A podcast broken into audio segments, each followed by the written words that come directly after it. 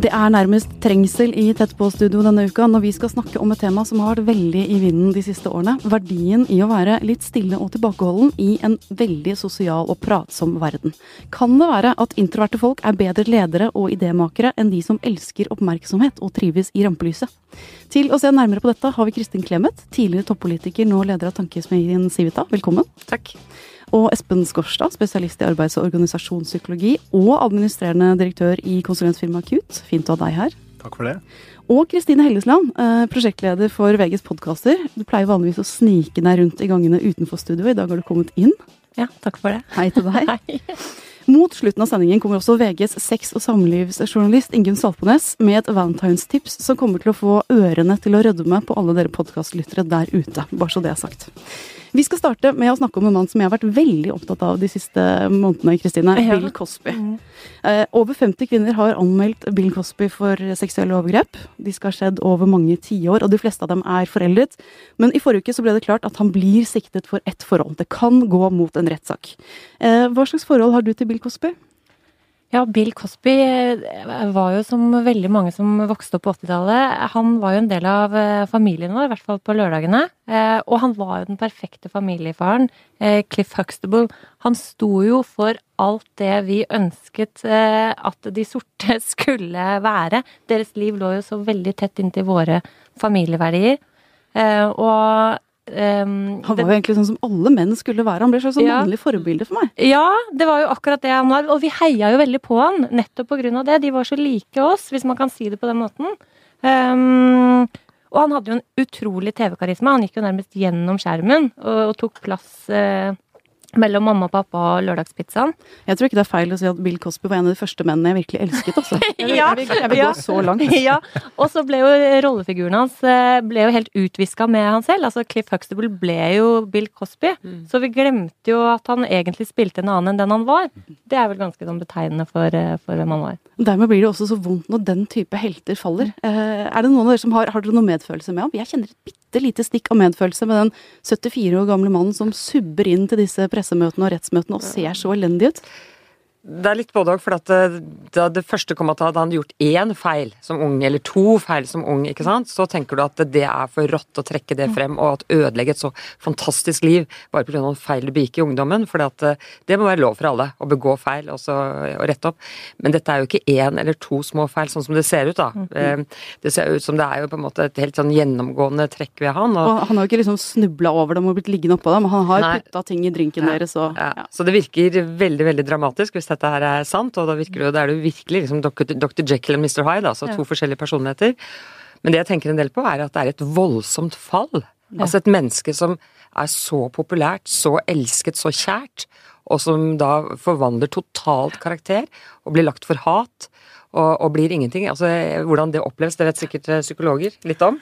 Det vet vi kanskje litt om. Det, jeg må innrømme at jeg har ikke så veldig stor medfølelse for han. Men jeg har eh, medfølelse for selvfølgelig ofrene. Men jeg leste et veldig rørende innlegg i eh, New York forrige uke. Jeg var, var der, og så leste jeg et avisinnlegg hvor det var en dame på, sort dame på min alder som hadde skrevet et, et, langt innlegg, og hun sa at han var jo selve idolet vårt. Altså For den mm. sorte middelklassen, når den vokste opp, så var jo han det store idolet. Og når han viser seg å ha gjort det her, så er det veldig mye som raser for de altså, så det var veldig, veldig dramatisk. Ja, sviket blir på en måte nesten enda større, mm. eller oppleves som det. Absolutt, eh. Ja. Men det var veldig vanskelig å være en person som opplever et sånt fall. altså Hvordan skal han reise seg igjen? Altså Hva er det han klamrer seg til av håp nå? Mm. Eh, det tenker jeg en del på. Men, eh, men, men, sympatien med han den har nok fortatt seg litt, grann, altså, ettersom dette velter frem. Han fortjener mm. det som kommer til ham. Uh, han kan jo da risikere ti år i fengsel. uh, er godt over 80 når han slipper ut. Men den verste straffen skjer kanskje på innsiden av ham selv, da, Lesben? Tror du vi kan konkludere med det? Ja, det er ikke godt å si hva slags samvittighet han har. Det kan jo nesten tyde på at han ikke har så veldig mye samvittighet, hvis man skal tro det man leser. da. Mm. Men den, de som blir veldig straffet her, må vel være familien hans, som kanskje ikke har visst noe om dette her. Ja, det. det. må være en, også en forferdelig opplevelse. Men nå er han vel ikke dømt, da, så vi får vente og se. Vi han lever i et rettssamfunn, heldigvis. Ekstremt spennende å følge med på akkurat denne saken. Virkeligheten overgår så til de grader fiksjonen. Eh, og på en annen måte, Den gjør den jo også i det amerikanske nominasjonsvalget, kan man si. Altså Nå har Donald Trump denne uka her eh, kommet ett steg nærmere med å bli den republikanske presidentkandidaten. Blant de mange tingene som Trump har gitt verden det siste året, er et comeback for mensenmobbing av kvinner. Det er litt artig. Eh, altså Det startet i august, da Fox nyhetsanker Megan Kelly stilte ham noen liksom kinkige spørsmål om kvinnesynet hans under en TV-debatt. Hvorfor syns han det er greit å omtale noen kvinner som feite griser, bikkjer og frastøtende dyr og sånn? Og da ble han litt satt ut, og etterpå så uttalte han til CNN at det var åpenbart at det kom blod ut av øynene hennes, og det kom blod ut av andre kroppsåpninger også. Eh, og Trump sier at han skal gjøre America great again the old fashioned way, og dette er jo i hvert fall en ganske gammeldags måte. Eh, mange har tatt avstand for denne retorikken, men vi har sett den i Norge også.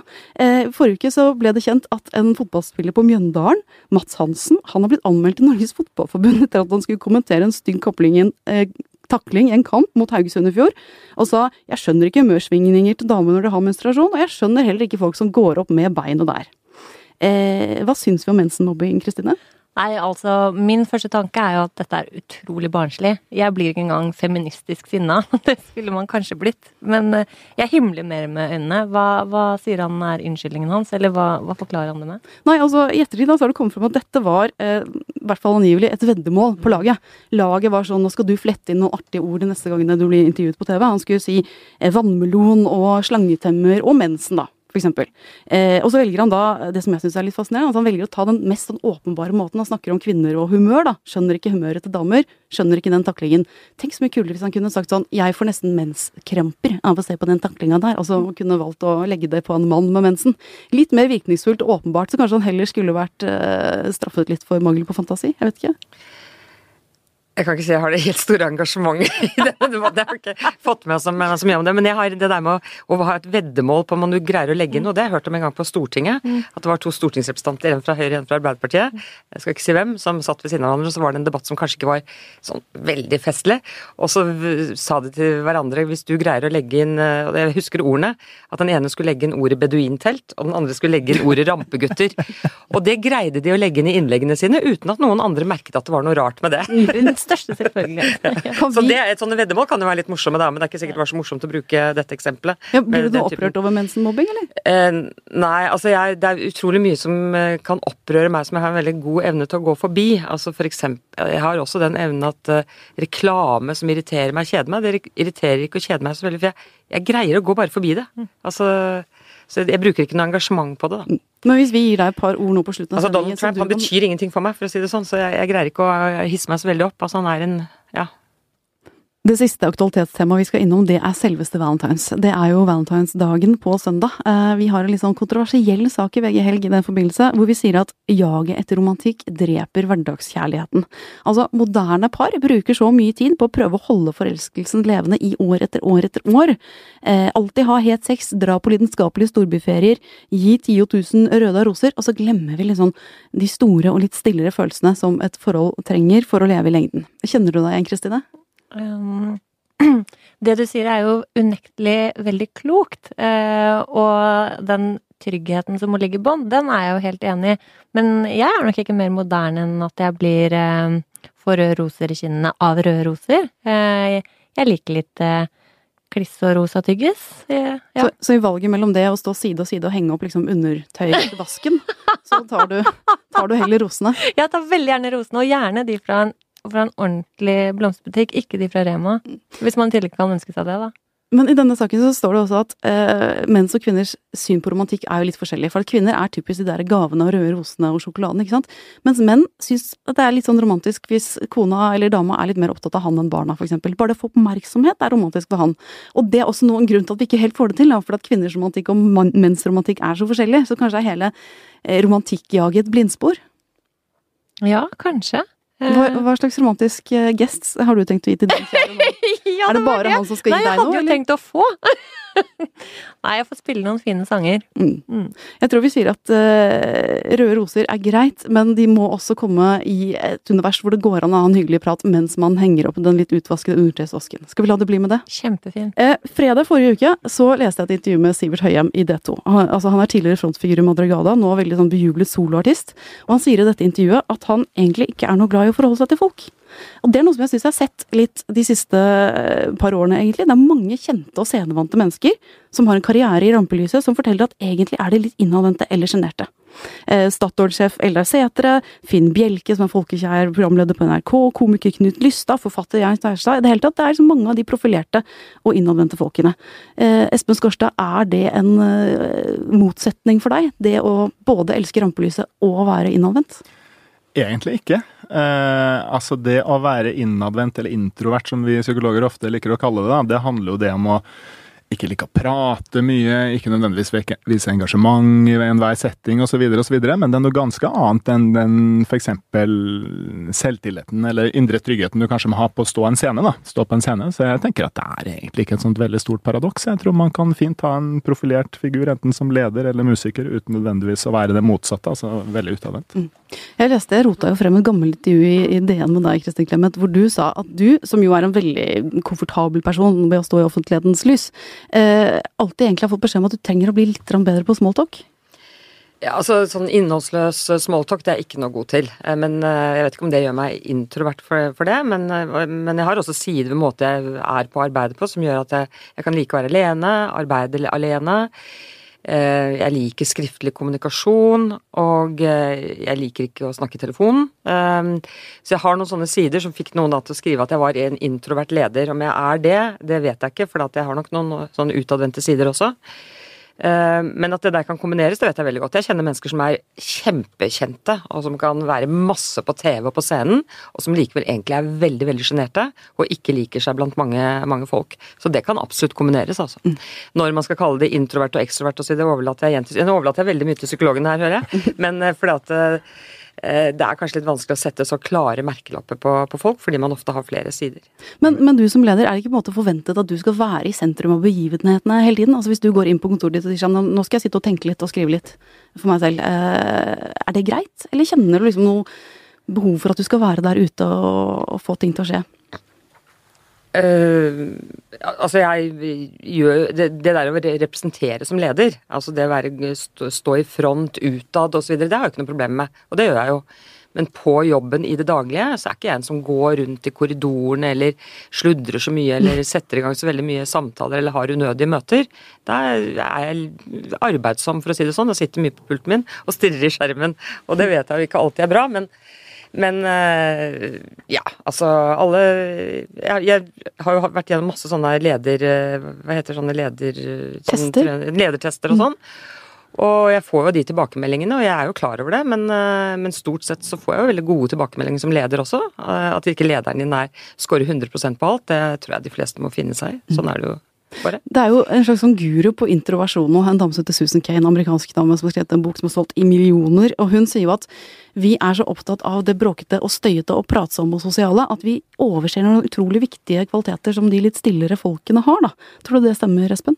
Ja, jeg tror Susan Kane har veldig rett i det. Altså, det er veldig mye i dagens samfunn som tilrettelegges veldig mye for de veldig ekstroverte. da. Altså Man har det her med gruppearbeid på skolen, og hvis jeg ser meg litt rundt her i VG, så ser jeg at folk sitter og jobber i landskap osv. Så, videre. så man kan vel kanskje si at det der med interaksjon og eh, samhandlingen går litt på bekostning av mer det der individuelle fokuset. og om ikke nødvendigvis kontemplasjonen, altså mer den der, det så, ja, Hjørnekontoret er borte, altså. Mm. Det som eh, jeg tror jeg merker både med meg som person og som leder, er at jeg, jeg er nok drevet litt av at samtalen med andre skal ha et formål. Altså, bare det å snakke i vei, det er ikke jeg så god til. Eh, jeg syns det er veldig koselig å høre andre gjøre det. Jeg synes det er veldig fascinerende at de greier det, men, men for meg så er det jeg, jeg, ringer aldri noen hvis jeg ikke har en beskjed, eller mm. det er et formål med samtalen, da. Så, og det gjør at da blir det jo ikke så mye skravling, for å si det sånn. Fordi at uh, det er jo veldig mange som snakker sammen nesten litt sånn formålsløst. Men som syns at det har en stor verdi, da. Men det er ikke jeg så god til. Mm. Jeg syns det høres veldig bra ut, da. For jeg synes det høres ut som du bruker tida di på det du skal. og ikke søler bort på alle mulige andre ting. Men hvis man, seg, hvis man, skal ha seg en jobb om dagen, uh, går et jobbintervju, det er ganske tilrettelagt for den utadvendte personen. Den som er litt sånn foroverlent og har masse å fortelle. Og, ja, eller er det ikke det? Altså, I Civitas kan jeg si at vi har eh, mennesker som er veldig utadvendte, som sikkert ville fått merkelappen ekstrovert, og vi har definitivt det motsatte. Altså mennesker som er mer innadvendte og introverte. Mye mer enn jeg er. Men de kan begge være glitrende medarbeidere hver på sin måte. De jobber på litt forskjellig måte. Løser forskjellige typer oppgaver. Eh, men jeg syns det er veldig viktig at alle som er i Civita, vi er en veldig liten organisasjon, alle merker at begge typer medarbeidere kan ha en veldig stor verdi for Civita. Og det, jeg, det håper jeg de har med seg inn i eventuelle nye arbeidsplasser og andre senere i livet. At de ser at ikke det er bare én type som kan være, være god for en arbeidsplass. da. Mm. Du har skrevet en bok Espen, som heter 'Rett person på rett plass'. og Jobber altså med rekruttering. Eh, har dere noe tiltak for å gjøre det lettere for de litt sånn stillere, mer innadvendte personene å få de fete jobbene? At ikke de skal gå til noen pratemakere bestandig? jeg vet ikke nødvendigvis om det finnes en quick fix til det, men jeg tror det er litt å være bevisst på, på det som uh, Clemet er inne på. At, uh, at det finnes positive og negative sider ved alle typer personlighet, og at man må se verdien i de ulike personene som de er. Og så er det jo sånn at, Men det som kanskje er litt spesielt i forhold til akkurat det med ansettelse og rekruttering, det er at det er veldig tilrettelagt for uh, disse utadvendte. Altså, jeg husker For noen år tilbake så tok vi, gjorde vi et søk på finn.no for å se hvor mange treff får vi da i jobbannonser på ord utadvendt, og da fikk vi 1511 treff. Og så tenkte vi må jo ja, men søke på det motsatte. Hva finner vi noen treff på innadvendt? Og det var null treff. da. Så det var, det liksom, Alle skal ha disse mm. utadvendte, og det paradoksale er at man skal ha det uansett stilling. Mm. Så vi fant liksom at man skulle ha for eksempel, Jeg husker at man skulle, det var noen som søkte etter en utadvendt eh, langtransportsjåfør. og hvis man da skal kjøre, ikke sant, kjøre laks fra Hitra, eller hva, hva det er man eh, nå skal gjøre, da, ned til Roma, eller hvordan den laksen skal leveres, det er jo ikke spesielt produktivt da, å være eh, pratsom og, og livlig og utadvendt i den her eh, lastebilen. Men så. kan det være litt sånn at de beste hjernene av og til ikke er så utadvendte? For det er noe som hun Susan Kane sier, at vi, vi blir litt forledet av den derre ledertypen som elsker ønsker å ta rommet, kan lett få med seg folk, kan føre ja. folk dit man vil. Og så glemmer man kanskje at den beste idémakeren, det er ikke den beste pratmakeren. Det kan være den designeren som sitter og koker på de utrolig fine løsningene helt stille borte til hjørnet. Utvilsomt. Altså, det er ingen som helst tvil om. Det som er litt av utfordringen i mange sosiale settinger, er at vi har en tendens til å tillegge disse Ofte de som er gode til å kommunisere, da, ikke nødvendigvis bare de utadvendte, men de som prater mye, vi har en tilbøyelighet til å tillegge dem en del andre egenskaper også. For eksempel så viser at vi tror de er litt smartere enn andre. Så hvis, hvis, har, måte, hvis, man ser på studier og forskning på det her i forhold til seleksjon og jobbintervjuer osv., så, videre, så, så har folk en tilbøyelighet til å tenke at de som prater mye, de er faktisk litt smartere enn de som prater lite.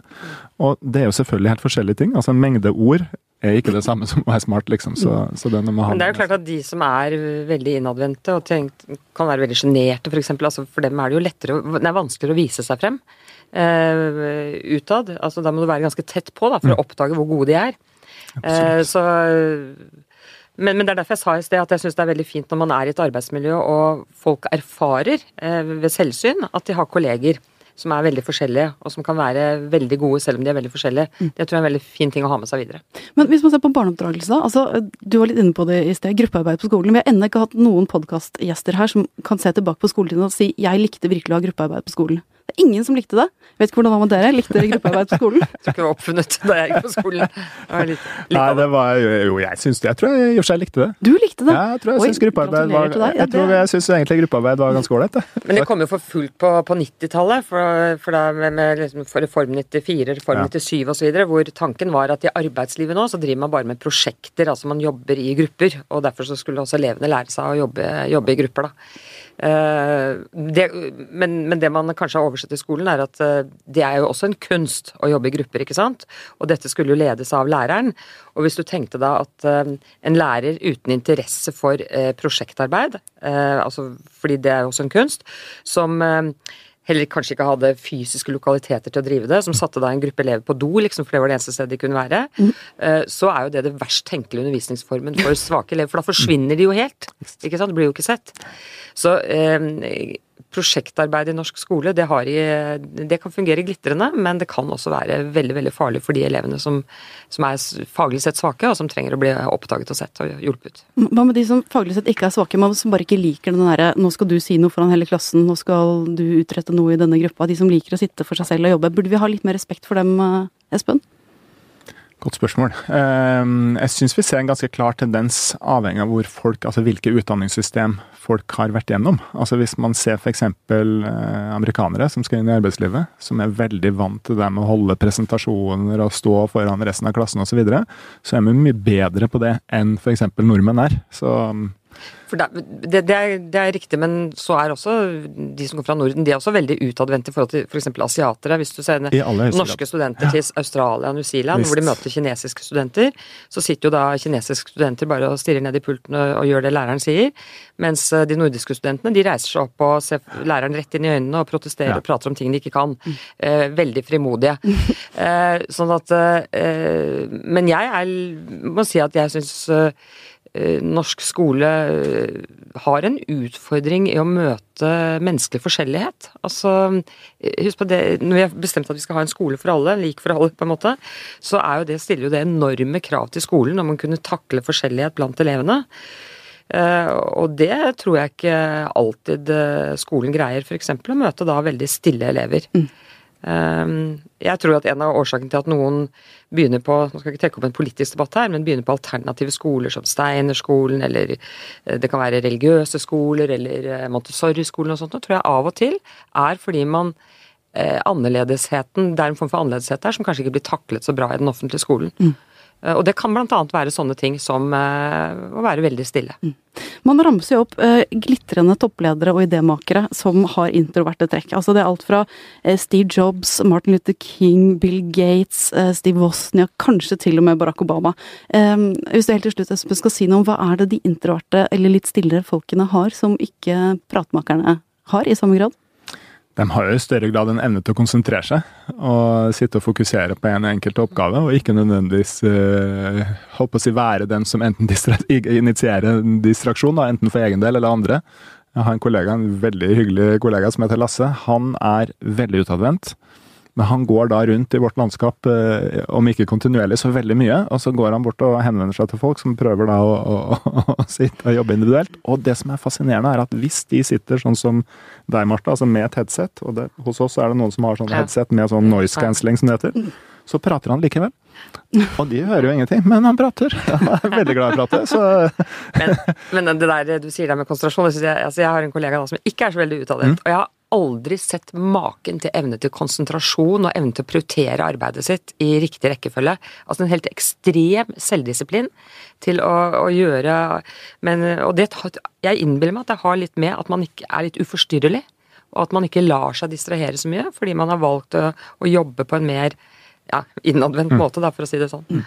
Hun Susan Kane konkluderer også med at det som er noe av grunnen til at disse introverte folkene da blir ledere, er at de har, så, de har noe de skal utrette, og det trenger verden så sterkt at de er bare nødt til å gjøre det. De må svelge sjenansen og motviljen mot å stå frem og lede, og gjøre det likevel. Og akkurat det eh, gjør at de er så glitrende ledere. De gjør det ikke fordi de elsker rampelyset, de gjør det fordi de, det de har å komme med er så viktig. Det er jo en litt sånn fin tanke. Skal vi bare avslutte med å si at eh, stille er den nye støyen? Tusen takk for at dere kom, Kristin Clemet og Espen Skorstad. Jeg sa jo i starten av sendingen at Ingunn Saltbones, VGs sex- og samlivsjournalist, skulle komme hit med et valentinstips som ville få det til å rødme i ørene på podkastlytterne. Så nå er det høye forventninger, Ingunn. Hva har du i posen? Jo, jeg tenkte å anbefale alle, og hvis ikke de allerede gjør det, å onanere sammen. Oi! Rett og slett. Ja. Eh, eh og det er romantisk, eller? Det kan være veldig romantisk. Det kan være veldig romantisk, absolutt. Eh, og i tillegg så tror jeg jo det er bra for eh, både den enkeltes seksualitet og for seksualiteten i parforholdet. Så hvis jeg kan bare først si litt om hvorfor det er veldig bra å onanere i det hele tatt, Vær så god. så er det jo det at du da Det er den beste måten å bli kjent med deg selv på. Finne ut hva du liker, hva du ikke liker, hva som fungerer for deg. Eh, ikke minst i forhold til å kunne få orgasme. Eh, og det er spesielt viktig for kvinner, for menn gjør ofte dette litt sånn av seg selv, og det bare trenger seg frem på en annen måte enn det gjør for kvinner. Det er litt mer sånn mekanisk? Ja, men selvfølgelig, det, det, menn også kan på en måte gjerne utvikle, utvikle det litt, eksperimentere med fantasier, eksperimentere med å trappe litt opp og trappe litt ned, eh, og, og, sånn sett på en måte få noe mer ut av det enn bare en rask liksom eh, eh, masturbasjonssekvens. Forskningen til eh, professor i helsepsykologi på Universitetet i Oslo, eh, Bente Træn, viser at veldig mange kvinner slutter å onanere idet de kommer inn i et parforhold. Eh, og det er fordi de på en måte eh, Onani ses på som en sånn annenrangs sex. Så det er liksom bare når du gjør når du ikke har tilgang på ekte vare, altså penetrasjonssexen. Eh, men eh, altså, dette her med, og da, altså, Du sa gjøre det sammen. Eh, det er da jeg kjenner at rødmen begynner å stige litt. For det du vil, er at paret skal liksom gå inn på soverommet eller et annet rom hvor de liker å være avkledd sammen. Og så skal den ene se på mens den andre onanerer. Ja, altså de kan jo gjerne gjøre det samtidig, eller bytte på, eller altså gjøre Altså det, det, det, det må man jo bare finne ut hva som er naturlig for deg. Men eh, jeg syns jo det er veldig pussig at man på en måte eh, Mange syns f.eks. det er helt greit å ha oralsex. Men å se, og tanken på at den andre skal se på at du onanerer, det blir altfor intimt. Og det føles liksom altfor sårbart, og, og på, at du, du, blir for eksponert på et vis. Da. Det, er jo, det er jo veldig merkelig, egentlig. Um, Men er det kvinner helst som føler det? Ja, jeg tror nok kvinner gjør det mer enn menn. Eh, og kvinner har jo en tendens til å bli veldig opptatt av hvordan de tar seg ut, hvordan de høres. 'Å nei, hvis jeg ligger sånn, så ser du liksom valkene mine og keisersnittarret og strekkmerkene og og, og, det, er jo, det er jo drepende i utgangspunktet, hvis du i akten begynner å tenke på sånne ting. Mm. Du, det du må prøve å gjøre, er jo å kaste alle sånne tanker over bord, og så fokusere på nytelsen. Mm. Ikke... Eh, men for å komme tilbake til det med, med, fordelene med å onanere sammen, da, så er det som et eh, kinderegg. Altså, punkt én, det er jo det at eh, hvis kvinnen tar mer ansvar for å stimulere seg selv, altså stimulere da primært klitoris, så øker sjansen for at hun skal få orgasme. Ny forskning viser at klitoris trenger å stimuleres i mellom 20 og 30 minutter for at den skal bli fullt erigert. Eh, og da eh, øker jo sannsynligheten både for å få orgasme ved klitorisstimulering, men den øker også faktisk sjansen for at du skal få økt nytelse ved penetrasjon i form av samleie. For da svulmer penisroten opp på en sånn måte at den også blir stimulert gjennom skjedeveggen. Men da trenger den altså såpass mye tid. Og det er klart at eh, kvinnen vil selv mye bedre kunne regulere tempo, trykk, hvor hun tar osv. enn det en partner kan. Så fordelen med å gjøre det selv er jo da at da har hun kontrollen og får det akkurat sånn som føles best for henne. Og det, det andre som er bra da, det er jo det at eh, hun blir da mye mer tilfreds med sitt eget sexliv. Og det igjen gjør at hun vil ha mer sex. Så dette er på en måte en sånn positiv sirkel. Nei, nei, dette var første rådet. Mm. Dette var første grunn til at det var bra. Andre grunn til at det er bra, det er jo at de, de fleste menn vil faktisk synes det er ganske opphissende å se på. Sånn at uh, han vil også få noe ut av dette. Eh, og noen kvinner vil kanskje liksom være litt blyge og rødme over å se at han onanerer seg selv, men samtidig så tror jeg det er en mye mer vanlig del av akten, tross alt. Altså sånn at det er liksom Det er, det er, ikke, så, det er ikke så vanskelig å få til. Eh, men, så, men når mannen da får se på at hun onanerer, så kan jo han også plukke opp et tips eller to om hvordan hun liker det. Uh, så det kan jo han da uh, prøve å bruke senere, når han skal prøve å tilfredsstille henne igjen. Så det er den andre fordelen med dette. Eh, og det tredje gode eh, tingen med det, det er at det, det gir et ekstra gir å gå på i sexlivet. Fordi det er ikke alltid du er i form til full pakke og akrobatiske stillinger og liksom masse pumping. Eh, sånn at eh, her, liksom, hvis du tenker på å onanere sammen, det kan gjøres mye mer sånn avslappa. Man kan bare ligge liksom ved siden av hverandre, og, og, så begge får en orgasme, og, og man får hele det der oksytocin-kicket, altså det kjærlighetshormonet, parbindingshormonet som er så bra eh, for helsa, og som gjør at det reduserer stress, og i tillegg da gjør at dere føler dere nærmere knytta hverandre som kjærester. Um, men dette her er jo litt sånn, det er jo litt sånn soloarbeid. Jeg tenker at Hvis du nå har en person i livet ditt da, som kan, kan bistå, uh, hvorfor må du gjøre soloarbeidet selv? Uh, det er en misforståelse. Da. Er det sånn at denne side om side-tilfredsstillelsen kan altså, hva, Gjør det noe bra for selve parforholdet? Ja, jeg tror jo det. Jeg tror jo det. Altså, det er jo litt av det jeg sier, ikke sant. Både, både, det betyr ikke at man alltid skal bare gjøre det.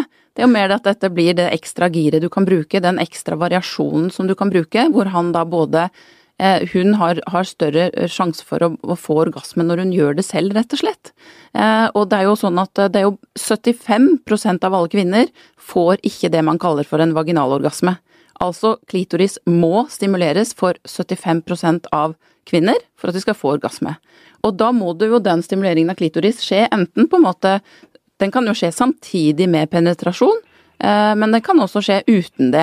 Og det er klart at da eh, hvis hun opplever seg komfortabel med å ta på seg selv, selv om hun er sammen med han, så øker også sjansen for å kunne få eh, orgasme eh, parallelt med samleie veldig. Mm. Sånn at uh, dette, dette, det, dette, er på en måte noe du, du, du, Det er jo ikke bare det ene eller bare det andre, men det handler mer om å integrere det i sexlivet. Så ha det inn i miksen. Litt bedre sex, litt bedre, bedre, selvfølelse og litt større trygghet i parforholdet. Låter det som et bra valentine-tips, Kristine? For et kinderegg. Ok, jeg tror vi setter to streker under det. Eh, Vi har vært gjennom mye denne gangen. Jeg tror vi oppsummerer det hele med å si at kjenn litt på både de stillere sidene dine, og eh, bli litt blygere, mindre blyg kanskje, på et par andre områder, som i dette valentinstipset. Tusen takk.